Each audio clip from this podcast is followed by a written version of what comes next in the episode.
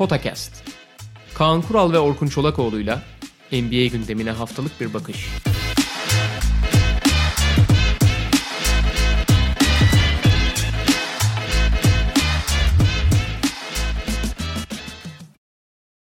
Podcast'e hoş geldiniz. Kaan Kural'la birlikte NBA final serisinde geride kalan 4 maçı konuşacağız. Lakers seride 3-1'i yakaladı bu sabah oynanan maçla birlikte. E, çok kısa bir özet yapmak gerekirse geride kalan maçlara dair. Zaten ilk maçı çok rahat kazanmıştı Lakers. Yani hem e, ilk yarısında oyun olarak ciddi bir üstünlüğü vardı hem de maç içerisinde Goran Dragic ve Bam Adebayo'nun hatta Jim Butler'ın sakatlıkları tabii biraz da işini kolaylaştırmıştı belki Lakers'ın ama ilk yarıda Miami henüz normal kadrosuyla devam ediyorken de zaten ciddi bir çok dramatik bir seri yakaladığını Lakers'ın ve fark yaptığını hatırlatalım. İkinci maçta Adebayo'dan ve Dragic'ten yoksun sahaya çıkmıştı Miami Heat ve çok fazla alan savunmasını da biraz mecbur kaldığı için, kaldığını hissettiği için kullandığını denediğini gördük Eric Spoelstra'nın ama ne kadar maç genelinde iyi şut atmasa da Lakers alan savunmasına o kadar rahat hücum ettiler ki ki biraz bunu öngörmüştük seri öncesinde e, yaptığımız son podcast'te.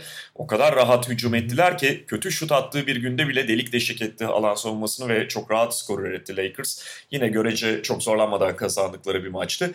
Üçüncü maçta Jim Butler'ın tarihi performansı vardı bu defa. Lakers'ta bir önceki maçta gösterdiği ya da iki maçta gösterdiği keskinlikten çok daha uzaktı.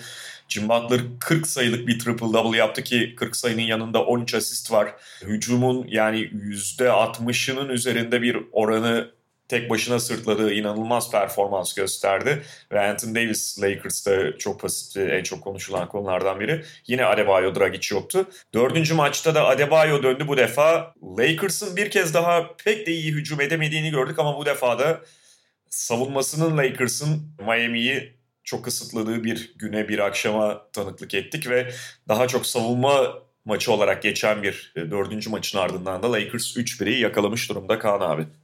Ya aslında maç serinin gidişatında tabii ki şimdi şemayla yani e, planla uygulama arasında önemli farklar olabiliyor. Yani biz tabii ki iki takımın öncelikle planlarına bakıp onun ne kadar iyi uygulandığı performansa dönüştürüyor ve ona bakmak zorundayız. Ve açıkçası Miami aslında oyun planını yani Lakers'a karşı iyi oynama planını 3. maçta birlikte, birlikte buldu. Yani asıl e, oynama formülünü buldu.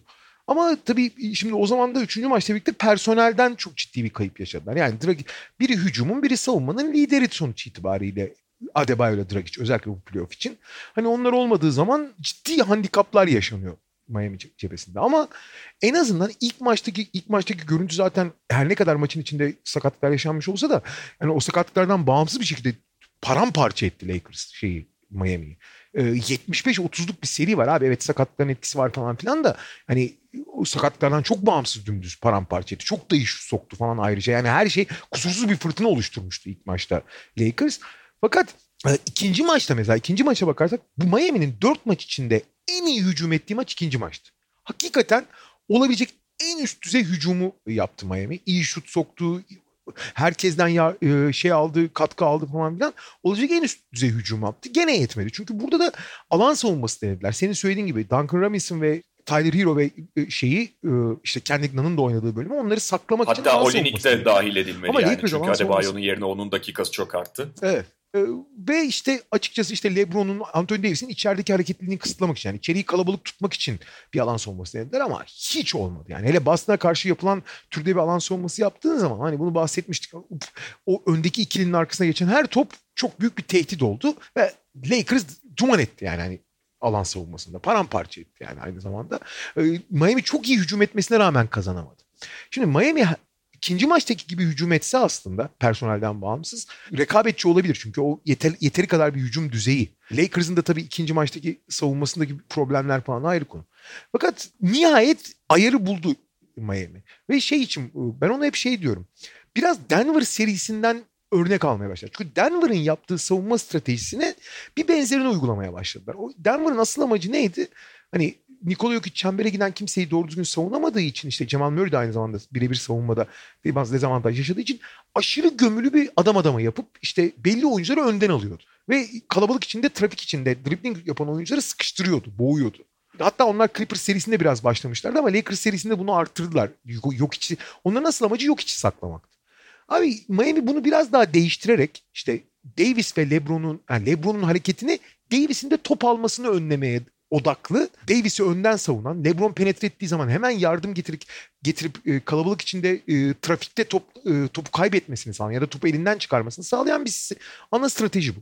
Çünkü eğer top LeBron'dan çıkarsa ve Davis'e gitmesine engel olabilirlerse bir şekilde top diğer hangi oyuncuya giderse gitsin Miami savunması istediğini yapmış oluyor. Çünkü diğer oyuncuların hiçbirinin topla iyi bir şey üreteceğine inanmıyor Miami. Daha doğrusu onların topla üreteceği her şey LeBron ve Davis'in üreteceklerinden daha az riskli. Artı ikinci bir aşaması da var bunun. İlk LeBron'dan topu bir şekilde çıkartıp Davis dışında bir oyuncuya ulaştırmaya ulaştırırsa bu pas iyi olsa bile hemen Miami adam paylaşıp o oyunculara geri koşuyor. Ha bu arada yarım saniyelik, bir saniyelik boşluklar, yarım, bir metrelik, iki metrelik boşluklar buluyor bu oyuncular. Gelir gel fakat gelir gelmez karar vermedi artık. Gelir gelmez şut mu atacaksın, topla mı oynayacaksın? Nitekim topla oynadıkları her yerde problem çıktı. Yani Danny Green'in bomboşken bile potaya gittiği pozisyonlar hiç e, verim vermedi. Keza Pope'un, Kuzma'nın kim olursa olsun Howard Panzer'dan potadan uzak top almıyor da hani herhangi bir oyuncu top aldığı zaman çok büyük e, verimsizlik oluştu ve Lakers acayip ritim kaybetmeye başladı. Ve bu Miami savunmasının ana sırrıydı. Nitekim Miami bu savunmayı yaptığı iki maçta, üçüncü ve dördüncü maçlarda Lakers hücumunun çok zorlandığını gördük. Gerçekten çok zorlandı. Yani hemen hemen takım halinde üretmek istediği şeyleri çok az üretebildi Lakers. Ha boşlukları bol bol buluyorlar. Yani boş sonuçta hücum illa kendi stratejisi içinde bir şey üretmek zorunda değil ki. Boşluğu bulduğun zaman zaten yamacına ulaşıyorsun. Ama Miami her şeyi savunamayacağı için bir yerleri boş bırakmaz. O bu şutları riske ediyor. Nitekim şutların girdiği bölümlerde Lakers çok rahatladı. E, mesela dördüncü maçtan örnek verirsek ilk yarıda gayet iyi şut attı Lakers. Çok kötü oynamasına rağmen o sayede maça tutundu. Son bölümde e, sayı atamamasına rağmen bu sefer yani maçın genelinde olduğu gibi savunmayı da kazandı. Miami de çünkü hiç sayı üretemiyordu. Miami'nin savunma olarak yaptığı plan büyük oranda işliyor. Ha, üçüncü maçta tabii şanslılardı çok kötü başladı Lakers. Acayip top kayıpları. Bir ara 8 şutu 9 top kaybı vardı abi. İlk 17 hücumun 9'unda top kaybetti Lakers ki bu savunmanın yaptığı şeylerden çok Lakers'ın saçmalamasıyla alakalı. Nick'in dördüncü maçı da öyle başladılar. Gene ilk 7 dakikada 4 top kaybetti LeBron mesela. Çok kötü başladılar gene. Fakat ondan sonra bir şey üretme yani hücum çok bir şey üretmese de en azından şutlarla falan hani boş buluyorsun. Boşluğu bulduktan sonra illa bir şey üretmene gerek yok. Attığın zaman sorun kalmıyor. E, fakat sorun şurada ritim bulamıyorsun hiç. Oyun ritmi kalmıyor yani. yani. Sürekli rakibin bir açığı var onu oynuyorsun. Ama alışkanlıklardan uzaklaşıyorsun, akıcılıktan uzaklaşıyorsun, devamlılıktan uzaklaşıyorsun. Oralarda işte Lakers şeyi bekliyor her zaman. Yani LeBron ne olursa olsun toparlar, doğru kararı verir ee, en azından doğru şutu bulursun. Doğru atışı bulursun. Yani dağılmazsın diye. Ama üçüncü maçta çok dağıldı Lakers. Hele ki Davis erken foul problemi girip devre dışı kalınca ana atıcısından yoksun kalınca çok zorlandı. Nitekim bu final serisinin geneline baktığımız zaman Anthony Davis gerçekten acayip bir seviyeye çıkmış durumda. Sadece şey açısından değil normalde yaptıklarını bir kenara bırakıyorum. Acayip şut atıyor Davis ya. Yani Kevin Durant gibi şut atıyor resmen. Boyalı alan dışından orta mesafeden ve 3 sayı çizgisinin gerisinden %60'la atıyor abi. Hani bu zirve Kevin Durant performansı neredeyse. Tabii ki o kadar volümlü atmıyor ama abi şimdi hem put altında böyle büyük bir tehdit yaratıyorsun hem de şut tehdidi yaratıyorsun.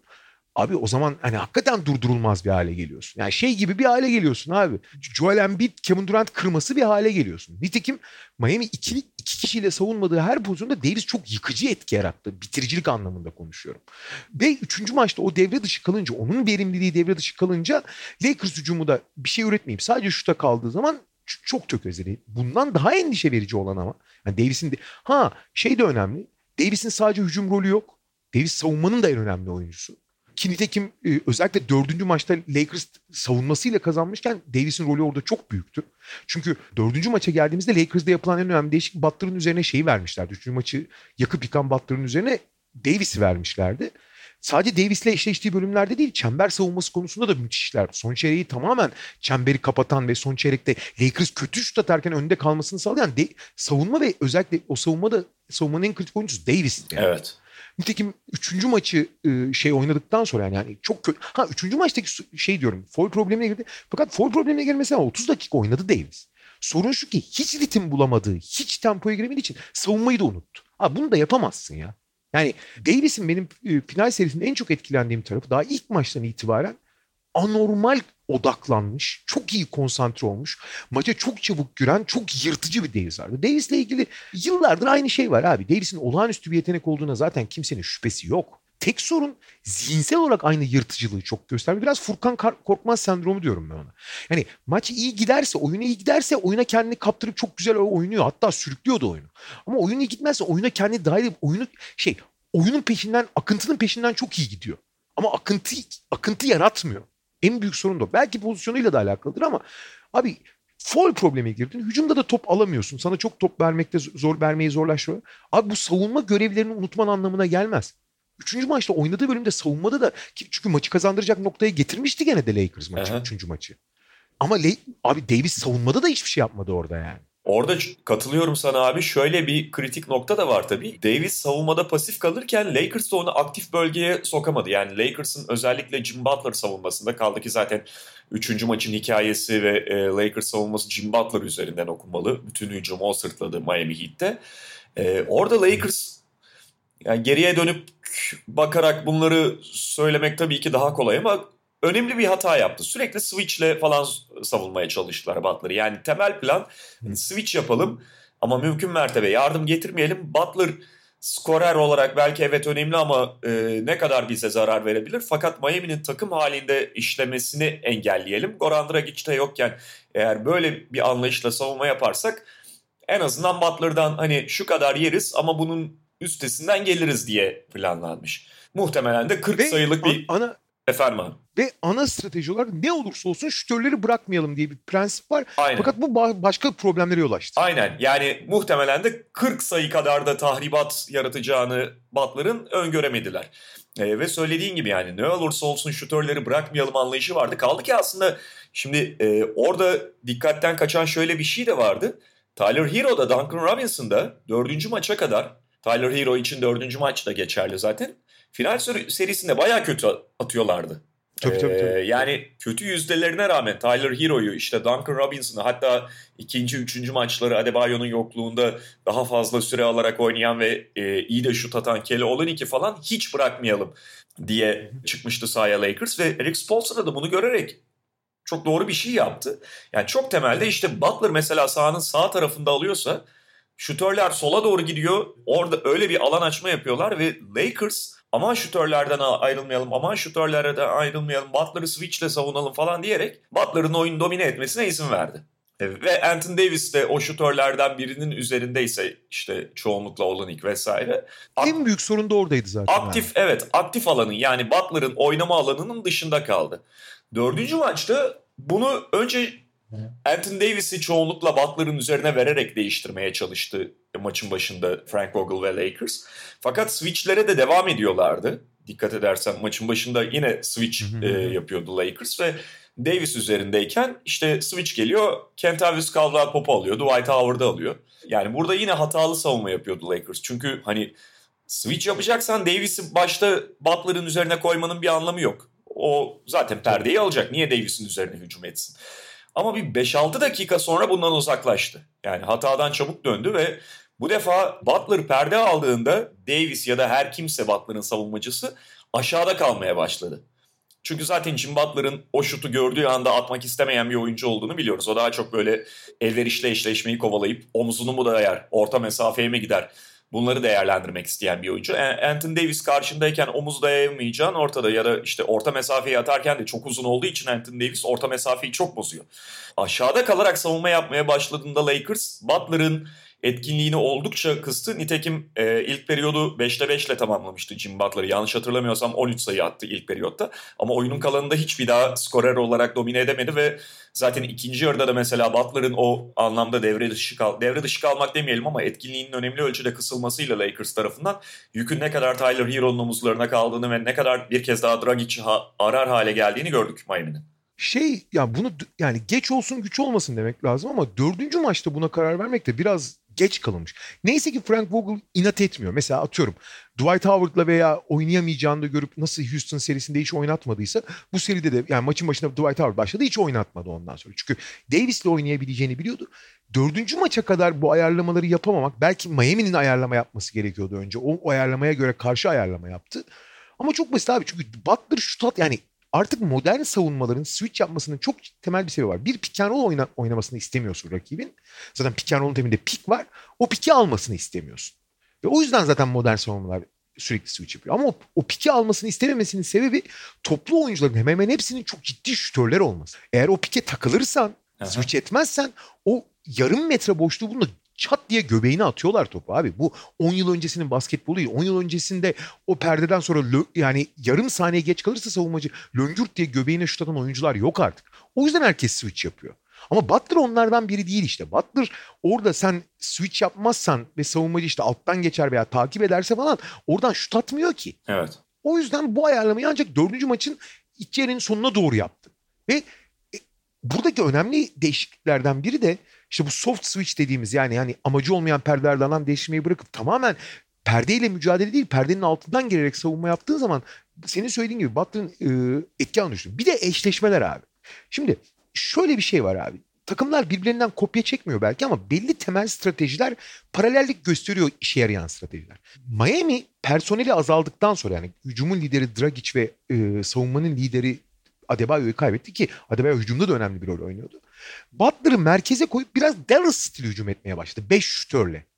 Yani 5 şütör. Daha doğrusu Butler etrafında 4 şütör var. Butler'a da şütör muamelesi yaptığı için Lakers inanılmaz bir Lakers'ın aman şut yemeyelim abi bunlar şut, şut sokarsa çok tehlikeli deyip herkes dışarı açtı. Butler'a istedikleri gibi alan bıraktılar. Aha. Bu Dallas'ın temelde oynadığı oyun. Dallas'ın temelde oynadığı oyunun değişik bir varyasyonu. Nitekim savunmayı da Denver'ın yaptığı savunmanın, Lakers'a yaptığı savunmanın bir başka versiyonu oynadı.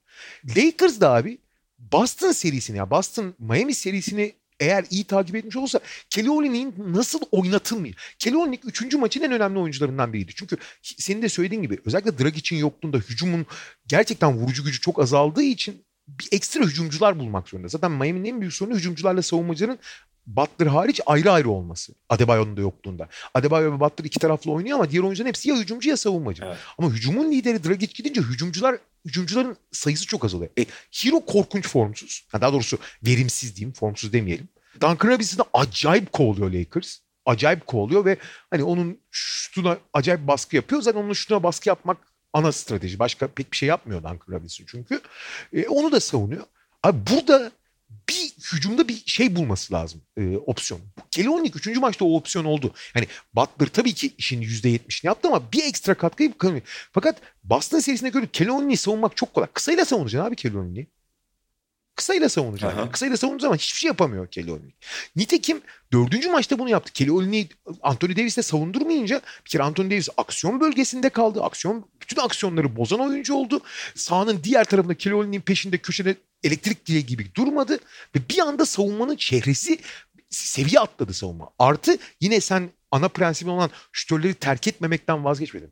Bir. ikincisi Butler'ı Davis'in başına verdiği zaman bütün eşleşmeler değişti ama eşleşmeler daha verimli hale geldi. Bir. Kelly başına kısa, Danny Green'i veriyorsun. Yani kısa sayılmaz aslında çok fazla da Danny Green Olynyk'e hiç hareket alanı bırakmıyor.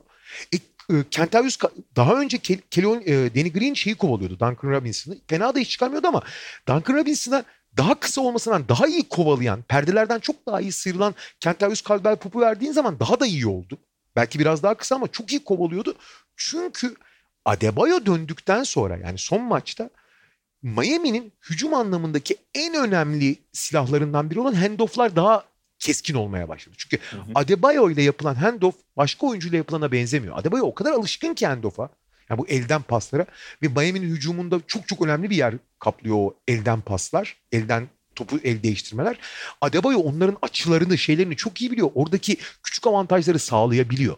Nitekim orada eğer Duncan Robinson'ı kaçırırsan abi Duncan Robinson seni çok cezalandırır. KCP kaçırmıyor işte. O eşleşmede olur. E ama bu durumda ne oluyor abi Davis'i Butler verdi. Adebayo ile kim eşleşecek? Abi Adebayo ile LeBron eşleşti çoğu yerde. Ve çok da iyi oldu. Çok da iyi oldu. Çünkü Adebayo sırtı dönük çok fazla oynayabilen bir oyuncu. Evet iyi pasör vesaire hücumun içinde ama sırt dönük değil. Hızını aldığı zaman oynayan bir oyuncu. Hızlanarak geldiği zaman oynayan bir oyuncu. Ve biraz da fiziğini kullanıyor. Abi ne hızlanarak gelerek ne de fiziğini kullanarak LeBron'un üzerinden bir şey üretemedi Adebayo. Bütün eşleşmeler çok çok daha ideal hale geldi. Hani Abi çok klasik düşünürsen işte senin 5 numaran kim? Davis. Onun 5 numarası kim? Adebayo. Onları eşleştirelim. Ya da işte Kelly Olynyk girerse Kelly Olynyk'le eşleşsin Davis. Lebron, senin 4 numaran kim? LeBron. Onların 4 numarası kim? Duncan Robinson. Onunla eşleşsin. Yok abi böyle bir dünya. Oyuncuların sahada yaptıkları ve efektif oldukları alanlara göre eşleştirmen gerekiyor. Artık uzunluk kısalık diye bir kavram kalmadı çünkü abi.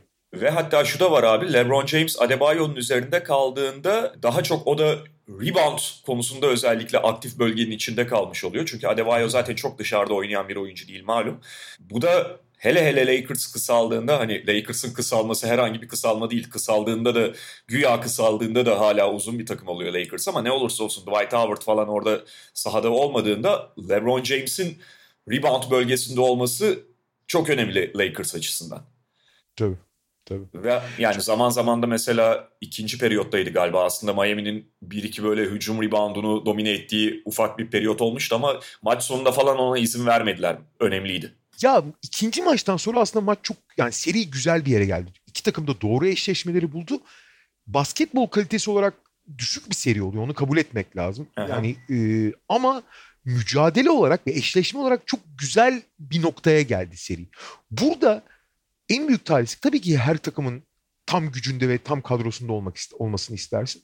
Burada Miami'nin asıl Miami savunmada istediğini yapıyor abi. Lakers'ı ritim bulmasını engelliyor vesaire vesaire. Lakers'ı daha az istediği, daha az tercih ettiği opsiyonlara zorluyor. Aha. Tamam orası oldu oldu.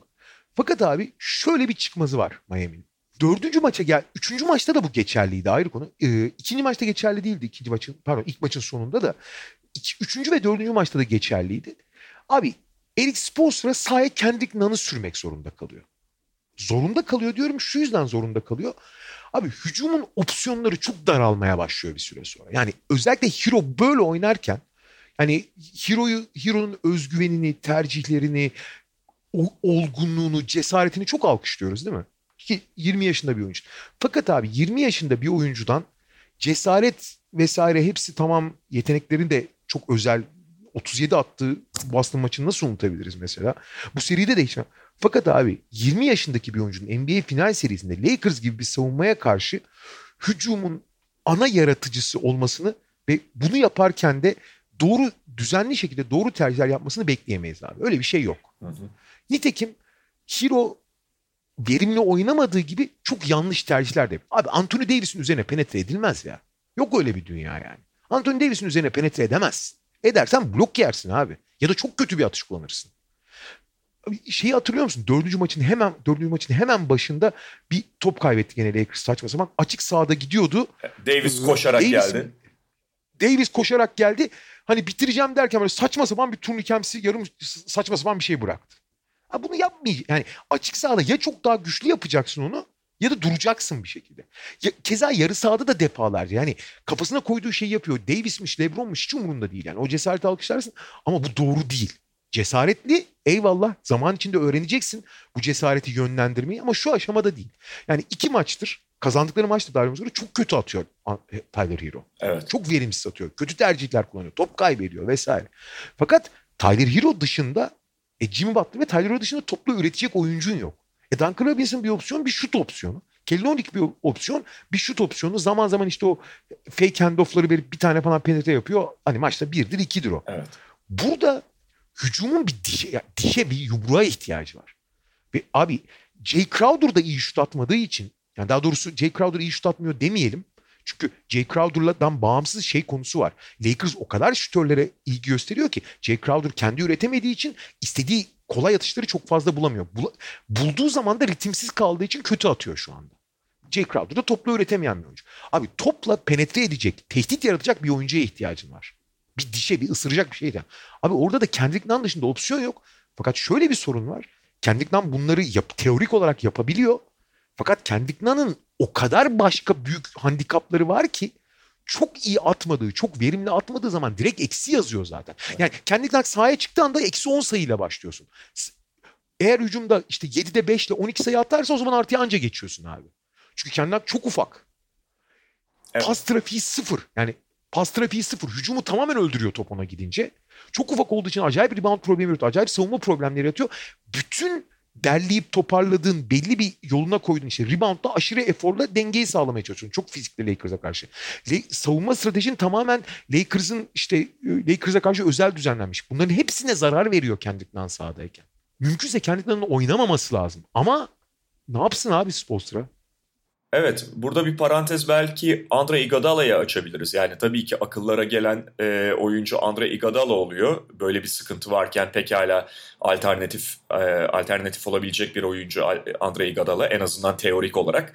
E, fakat onun da olamadığını görüyoruz. Çünkü artık hiç potayı düşünmeyen, hele yani hiç. mesela şutör olarak dışarıda tamamen boş kaldığında o şutu atabiliyor. E, en azından atabiliyor derken geçmiyor o şutu. İsabet oranı ayrı bir konu her zaman o Boston serisi 6. maçtaki gibi katkı veremeyeceği zaten ortadaydı. Fakat penetre ettiğinde yalandan penetre ettiği, devrildiğinde potaya bakmayacağı falan o kadar açık ki savunma da bir noktadan sonra çok rahat adapte olabiliyor buna.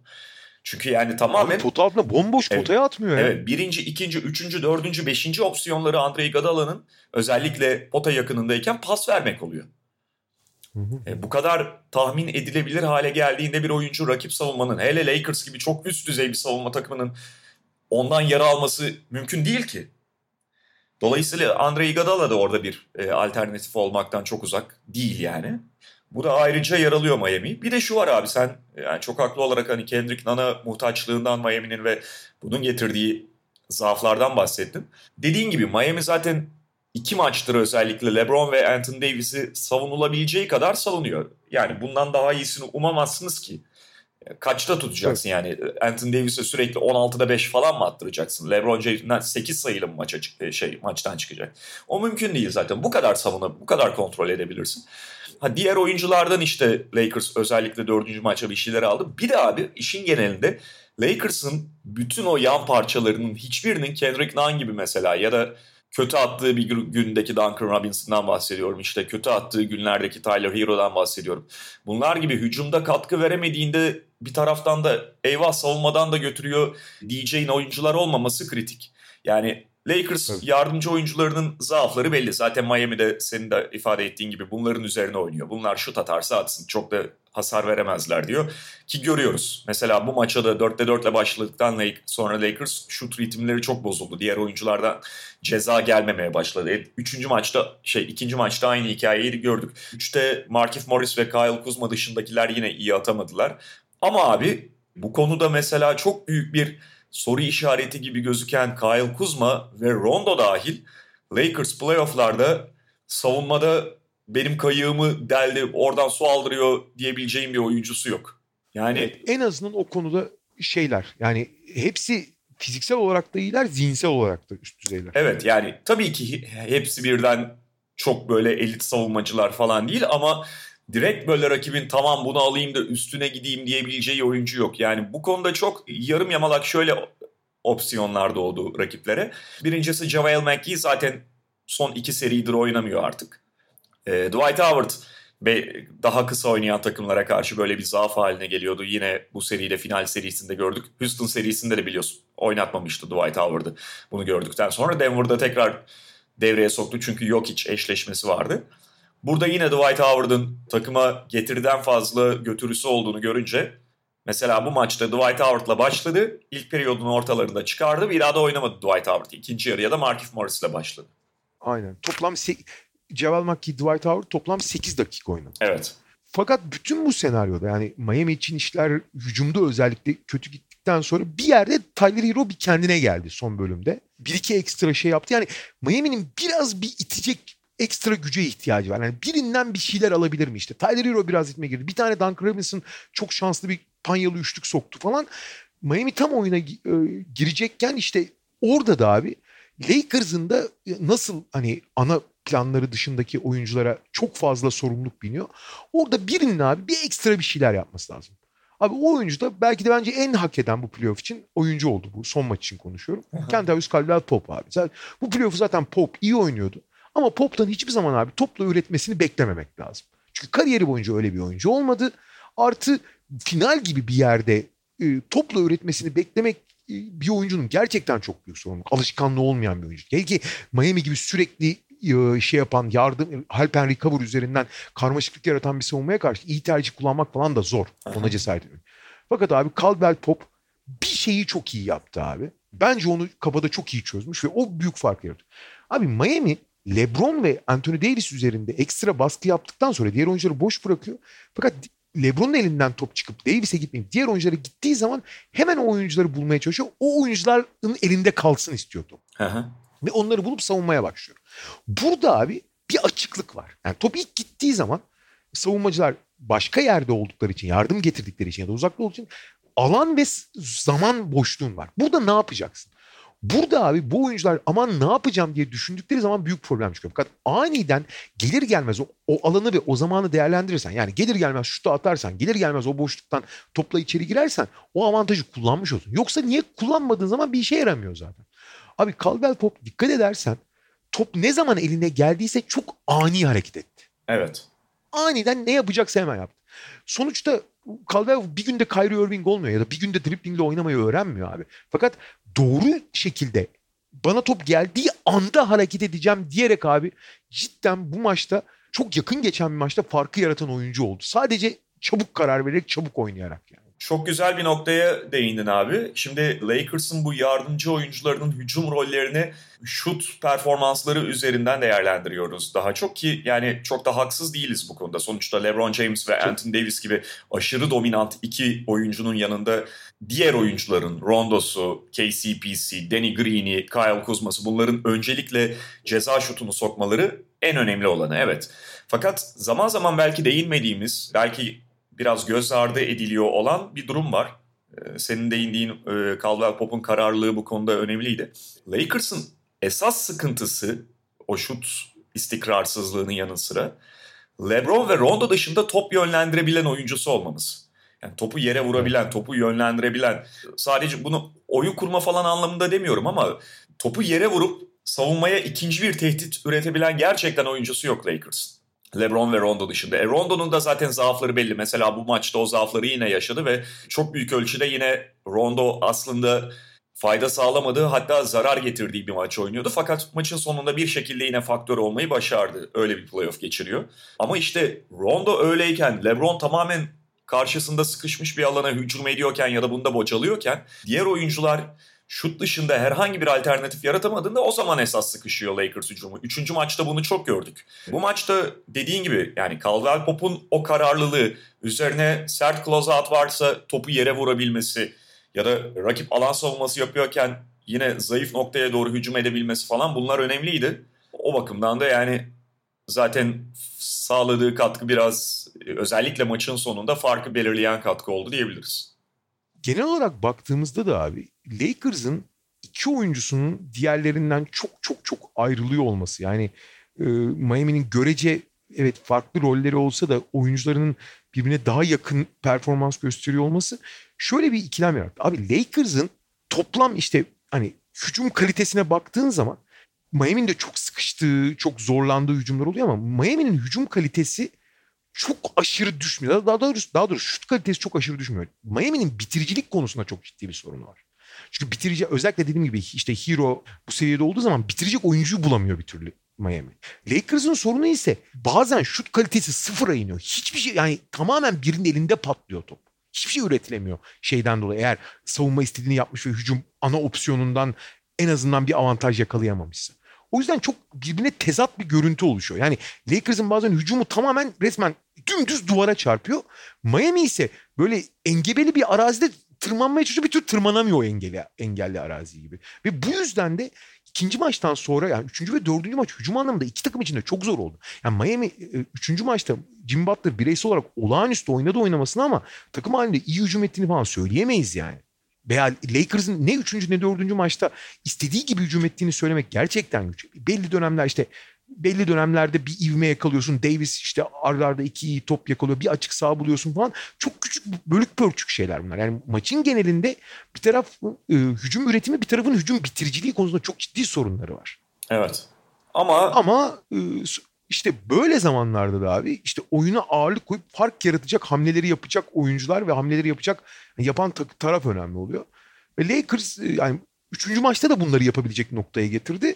Şey çok önemli işte burada. Abi üçüncü maçın sonunda zaten Davis hiç oyuna falan girememiş. Hı hı. LeBron James'in fiziksel hali çok endişe vericiydi. Ki bence genel olarak bu final serisi bittiği zaman geri dönüp baktığımızda daha doğrusu bütün playoff için biraz da geçerli olabilir. Abi LeBron'un artık ıı, bu pandemi süreciyle de bence çok alakalı. Çünkü LeBron biliyorsun bütün sezon fiziksel olarak düşük ritimden yavaş yavaş playoff'a doğru kendini hazırlayarak geliyor. Ama bu her sene zorlaşıyor. Kaç senedir adam playoff'ta nerelere taşıyor takımları. Geçen seneyi saymazsam Cleveland'da. Abi Cleveland'daki son iki sezonunu hatırlıyorsun. Normal sezon dökülüyordu Cleveland ama playoff'ta bir anda LeBron'da takım da ayağa kalkıyordu yani başta LeBron olmak üzere. Geçen sene bu ritim bozuldu, sakatlandı LeBron zaten. Bu sene de pandemi araya girdiği için bence bu fiziksel zirvesini bulması sekteye uğradı. E tabii yaşı da ilerliyor LeBron. Abi LeBron'un artık bir maçı 44-45 dakika oynayıp 30-35 dakikayı domine ettiği dönemler biraz kısaldı bence. Evet. Bu playoff'ta birkaç defa gördük. Denver serisi üçüncü maçtı galiba. Bu serinin üçüncü maçı. Keza ikinci maçın sonu da şey. Fiziksel olarak LeBron'un düştüğünü gördük abi. Fiziksel olarak düştü LeBron yani. Dördüncü maçta abi LeBron'un ilk yarıdaki halini hatırlıyorsun değil mi? İlk yarıda hiç olmadığı kadar durgun hatta neredeyse pasif bir LeBron izledik çok büyük ihtimalle enerjisini sonuna sakladı. Nitekim maçın sonunda çok enerjik olması, reboundlarda çok aktif olması, çok güçlü durması, top kaybı yapma, yapmaması ve e, yani LeBron gibi oynuyor olması sayesinde kapatabildi maçı Lakers. Evet ama ilk yarıda gerçekten kötüydü. Yani e, bir de rakibin zaten LeBron karşısında nasıl savunma yapmaya çalışacağını biliyoruz. Orada bir değişiklik yok ama şut ritmi de istediği gibi başlamadığında çok oyundan da kafaca da uzaklaşabiliyor LeBron bazen. Biraz ilk yarıda o görüntü vardı ama ikinci yarıda sonra ufak bir sekans da var hatırlayacaksın. Üçüncü periyotta böyle e, 4 dakika falan geride arda, kalmışken. Bir üçlük attı. Arda, arda. Bir tane kat yaptı. Sonra bir üçlük daha attı. Orada bir kendine geldi. Sonra da bir tane daha attı ama sayılmadı. Sayılmadı evet. Ha, o da çok garip pozisyondu bu arada. Sen söyleyince aklıma geldi. Evet. Şey düdük geç geldi dediler hakemler. Şey, daha doğrusu şey yani temas es, bak izledikten sonra gördük temas daha önce olmuş dediler. Benim anlamadığım kurallardan biri yani aklıma gelmişken söyleyeyim hani düdüğü çaldığın yerin esas olması lazım çünkü. Evet 5. maç kaldı önümüzde. Şimdi Ve... Cuma günü. Tabii Miami Heat yani burada kafaca çok uzaklaşacak bir takım değil. Onu öngörebiliyoruz. Adebayo da artık katıldı. Yani Goran Dragic'in belli ki oynaması çok zor.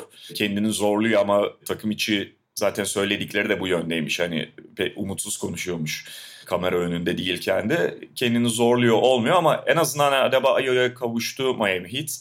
Kaybetseler dahi belli ölçüde dengeli oynadıklarını söyleyebiliriz dördüncü maçı ve kafaca da zaten uzaklaşacak bir takım değil. Diğer tarafta Lakers'ın da bir galibiyeti kaldı artık. Ve yani oyun özellikle bence üçüncü ve dördüncü maçta artık maç daha doğrusu seri dengeye geldi. Yani herkes rakibin hamlelerine karşı hamleleri yaptı. Şu anda Miami bence ideal savunma stratejisini buldu. Yapabileceği en iyi savunma stratejisini. Hücumda ısıracak birilerini arıyor. Ama Lakers da aynı şekilde bence dördüncü maç itibariyle savunmanın ana stratejisini buldu. Zaten dişi az olan Miami'nin ağzına şey hani bir tasma daha taktı. Yani ısıracak hiç dişi kalmadı neredeyse Miami'nin bu durumda. O yüzden Miami'nin çok ekstra şut atması gerekiyor ki yani ikinci maç gibi bir daha hücum edemez Miami. O mümkün değil çünkü Lakers'ın yaptığı şeylerden sonra, ayarlamalardan sonra öyle bir hücum edecek senaryo da kalmadı pek fazla.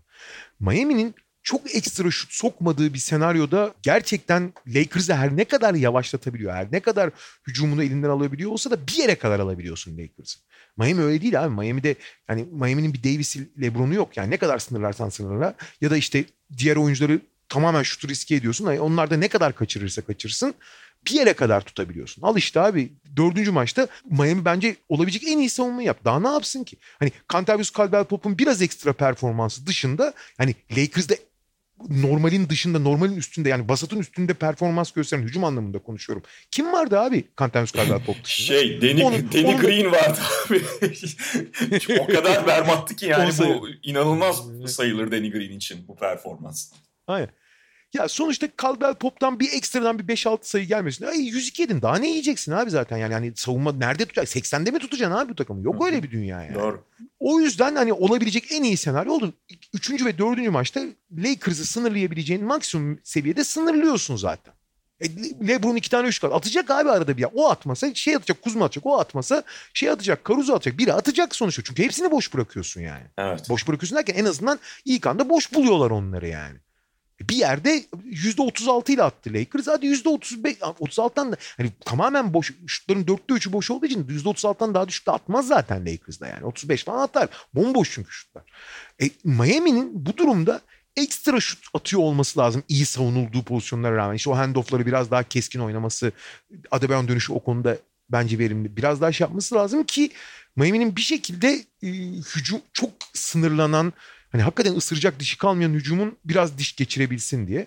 Ama şu bir gerçek ki yani 3. ve 4. maç bunu gösterdi.